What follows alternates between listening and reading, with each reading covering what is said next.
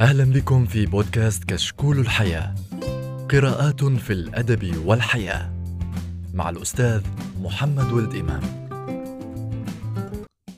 آه مرحبا بكم. الحديث عن اللغة العربية دائما حديث شائق آه بالنسبة لي شخصيا.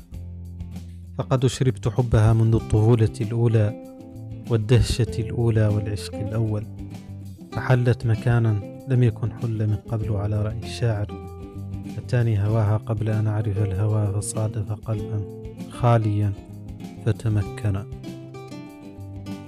الحديث عن اللغة العربية وعن اللغة عموما هو حديث يمس كوننا وبشريتنا فلولا اللغات لما تمكن الإنسان من صنع شيء. حتى أبسط المعارف لم يكن هناك مجال لتناقلها بين الأجيال. لا يمكن لجيل أن يشرح لجيل آخر الضرب والقسمة مثلا الحساب آه، العلوم الفلكية أحرى العلوم المتطورة الأخرى التي تطورت على مر السنين. فهذه التراكمية المعرفية لولا اللغة لم تكن موجودة وبالتالي سيظل الإنسان آه، كأي حيوان من الرئيسيات آخر. آه، ربما يتواصل على المستوى الغريزي مثلا بالإشارات أو بعض الأصوات التحذيرية كما نرى في الحيوانات. ولكن لا يتصور قيام حضارة دون اللغة. آه هذا طبعا شيء معروف وفي فلسفة اللغة كلام كثير لسنا في وارده ولكنني سأركز هنا على قضية الإعلام اللغة الإعلامية. لما نشهده من توان آه، وتباطؤ وربما إهمال للغة العربية في المجال العام. وطبعا نعرف أن المتعاملين مع اللغة الكتابة مثلا في مجال الصحافة أو الترجمة أو الأدب آه، تواجههم تحديات كبيرة. آه، خصوصا أنا مثلا في عملي اليومي آه، في مجال الترجمة تمر علي الكثير من الألفاظ والمصطلحات الجديدة. لم يسبق لها ليس لها مقابل باللغة العربية لأنها جديدة فهي حتى في اللغات الأخرى منحوتة حديثا. هذه المصطلحات والتعبيرات الجديدة التي ربما تكون في تقرير علمي وغير ذلك. والمشكلة الكبرى التي آه، تواجهنا عادة هي قضية الوقت لأن ليست لدينا رفاهية البحث في الكتب أو التشاور مع الآخرين وغير ذلك لأن هذا تقرير سيصدر أو سيبث أو سينشر بعد قليل. وفيه مثلا كلام علمي عن ظاهرة علمية ما فيها بعض المصطلحات الجديدة اسم الظاهرة نفسها أشياء كثيرة تتعلق بها. كل هذه المصطلحات يجب أن تنحت حالا في ظرف مثلا دقائق. فهذه مشكلة كبيرة. والمشكلة التي أراها وربما تكون عائقا في وجه اللغة العربية هي قضية التخطئة الكثيرة. عندما يجتهد شخص مثلا بدل أن الأسهل طبعا أن يأخذ المصطلح كما هو من اللغات الأخرى. فنقول آه، جغرافيا. جغرافيا كلمة أجنبية لكنها صارت عربية.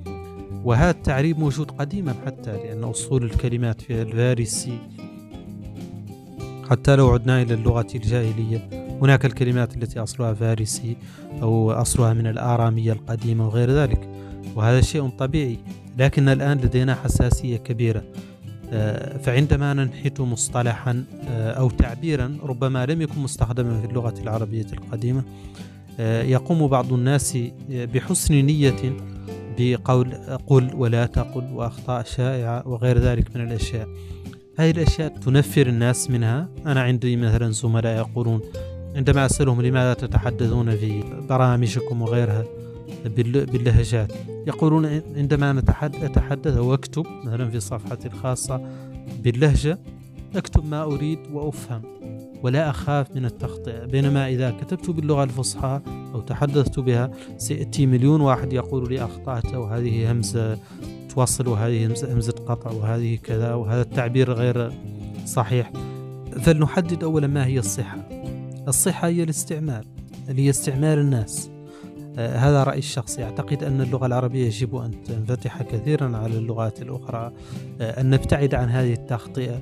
كل ما هو مفهوم آه، ولا يكسر القواعد الأساسية للغة يمكن تجاوزه. فنحن مثلا نشنع على شخص قال بعضهم البعض ونقول هذه لغة ركيكة.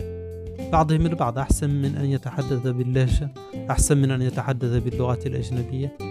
فلنضع في الاعتبار دائما أننا نحاول تقريب الناس من الفصحى ولذلك يجب أن نسهلها عليهم آه، أن نمحو تلك الفكرة بأن اللغة صعبة ويجب آه، أن تقرأ أن تحفظ الألفية وشروحها وأن كذا وكذا. هذه الأشياء تصعب على الناس حتى نفسيا. ومن الواقع المعيش أن الناس تخشى الفصحى تخشى الحديث بها تخشى الكتابة بها. رغم أن قواعد الإملاء قواعد بسيطة يمكن تناولها في دقائق قليلة القضية الأخرى التي تواجهنا في الإعلام هي قضية أن هناك دائما علينا أن نختار بين اللغة الصحيحة وبين ما هو مفهوم للناس.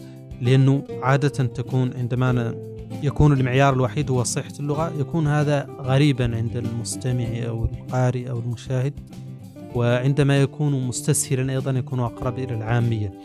فعلينا أن نمشي كما يقال بين هذا وذاك.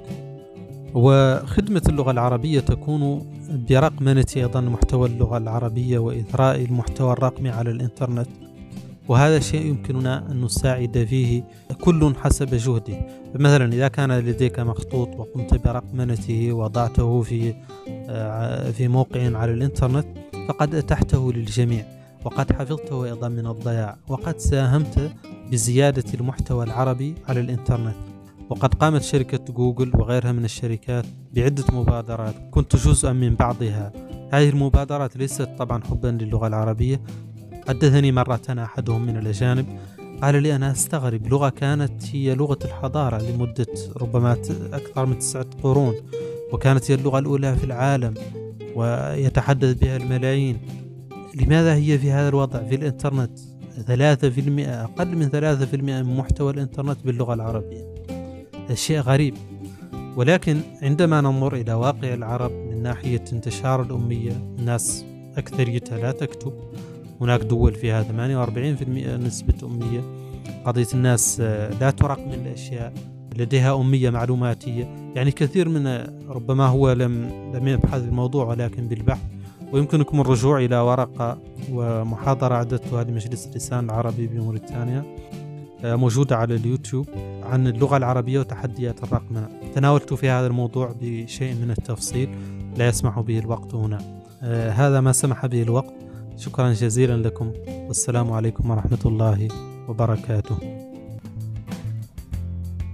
كنتم تستمعون إلى كشكول الحياة. بودكاست عن الأدب والمطالعات مع الأستاذ محمد ولد إمام.